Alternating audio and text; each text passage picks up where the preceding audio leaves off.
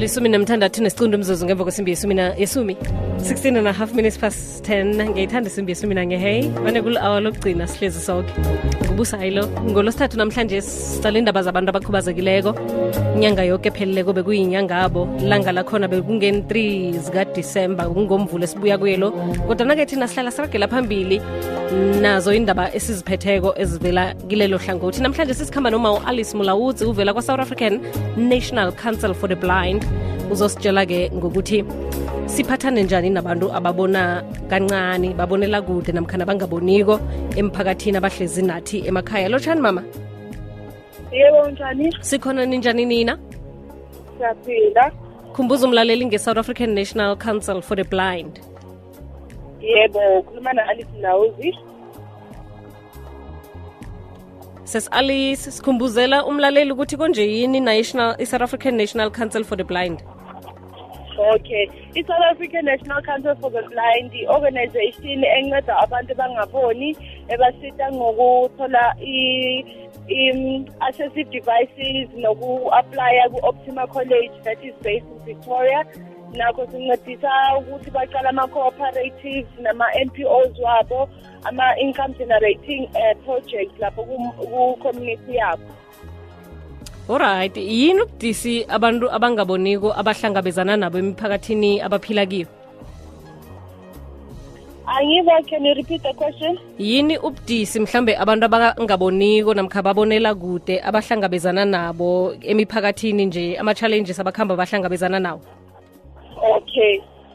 Into abahlangana nato eh ama-challenges for njengabantu abangaboni ngathini access to ama-basic needs wabo. They have right to ama-rights njengomunye onomali omunye umuntu like i-household i-health care. And inkinga abazivelene nazo ukuthi kuna-shortage yama-resources maye bancedisa ukuthi bathole ama-accessive devices. Nakho futhi le stigma ekhona lapho kumphakathi the way batreat-a ngakhona abantu bangaboni babathathela phansi ukuthi abafikeyeli lapho ukuphumelela phambili or abakhona ukuyenta lokho omunye umuntu engakhona ukuyenta. And abanye ba-qualified bane-experience kulo msebenzi abawuyentako but because of that stigma that mentality iyabacindetela emuva bagcina bangasatholi lo msebenzi ukuthi baphumelele phambili. Mm. mlaleli kuhlathulula uma u-alice mulawuthi uvela ku-south african national council for the blind. Manje sike nabeza kini-ke ngentshijilo namkhana ngawo ama-challenge lana. Ekhona ukuthi nibasize? Ya siyakhona ukubasiza. First thing kumele sibheke isimo sakho isimo sabo ukuthi how far are they ngendaba ye-education ukubona ukuthi ba-interested ku-ini banayo i-access to ama-accessive devices. Normally umuntu onile blind njengokuthi maybe uthole i-accident so awusaboni emehlweni and akwazi ukuthi uye kuphi awuka-receive any counseling awuka-receive any sido ubuya lapha e-ofisini yethu sokuchumanisa ne-o n m yamasibhedlela laseduzane kwakho ukhona uthola i-counseling not only for wena but for umndeni wakho. U-asethe isimo sakho asethe the way ungakhona uzama ukuphila. Njengomuntu ongaboni uphumelele phambili. Sincedisa nokuthi umuntu o-interested ukufundelela phambili but akaboni ubona ukuthi um angeke akhone or akana-grade twelve ukuthi achubeke ngemfundo. I-college yethu yasepitori ebase epitori sancedisa umuntu ongaboni ukuthi a-aplayele khona lapho ekholeji yona leyo um ayente le course abona ukuthi into esutha yena khona tophumelela phambili.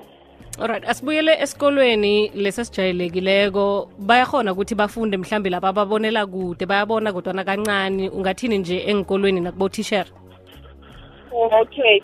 Hayi isikolo lesesi accepta any person o-visually impaired ongaboni kahle emehlweni. Noma ubonela kude noma ubonela phambili eh ama-requirements ukuthi u-aplayele kuleyo sikolo udinga u-grade ten kuphela. And then i-certificate ama-courses akhona. Bese udokhetha ama-courses lawo ubona ukuthi asuthela wena ofila comfortable kwayena okay engikolweni mhlambe primary school eh secondary bayakwazi ukuthi bafunde mhlambe bafunde nabanye abantwana babona kuhle? Yebo kunesikolo eh kunesikolo eh enkomasi lapha esindo kuhle but currently isikolo lesi si-overcrowded but siyasita abatali ukuthi bathole isikolo ukuhambisa umntwana wakhe ungaboni othi oyenda i-primary nokuconnecta naku-secondary ngoba kule province yethu eh asinayo i-secondary school for abantwana abangaboni sine-primary kuphela. So siyakhona ukuxhumanisa nama nama nama-parents ukuthi sibahambise kuma um, isikolo esiseduzane njengema-provinsini njengelimpopo lapho yikho okunesikolo zakhona for abantwana bangaboni. Siyabancedisa abantwana ukuthi ba-aplayele khona.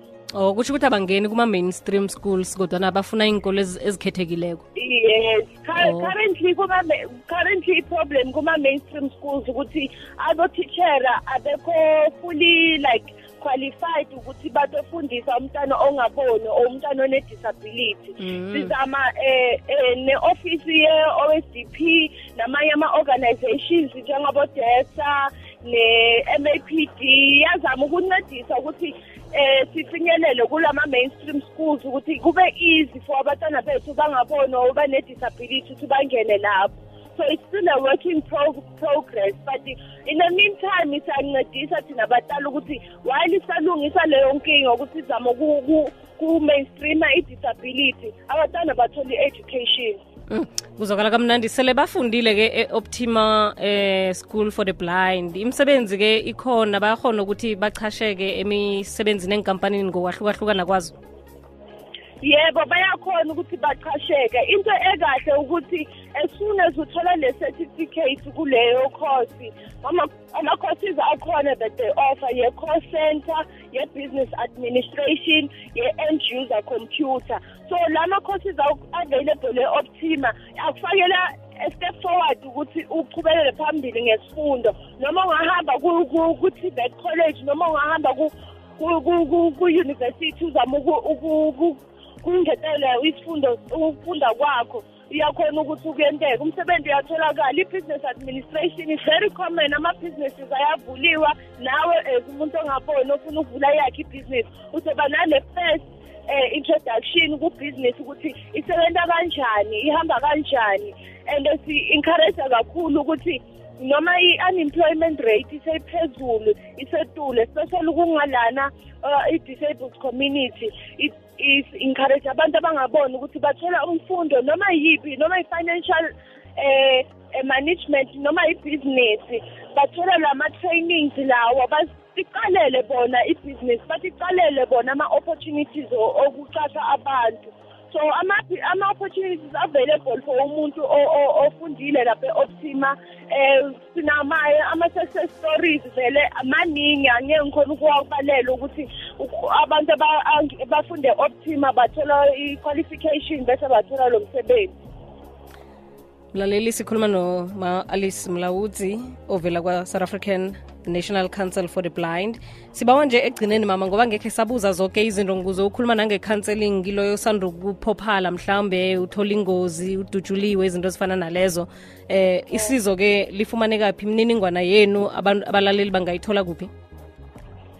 Okay eh i-ofisi yethu i-based enelstraight eh ebeste brown building 604 eh i-telephone number yethu it's 013 013 asibize kabuthaka 013 013 752 752 3559 3559 yes bangabuya abantu eh abanini blind or abantu vele abangaboni emehlweni badinga usito in, in terms of ama-assessive devices noma kufunda noma kuyenta ama-cooperatives because zama nokuvala le gap lena ukuthi majority of abantu bethu bangaboni sebadala sebakhulile ngoba namanye ama-causes of kuba ukungaboni emehlweni ukuguga i-old age.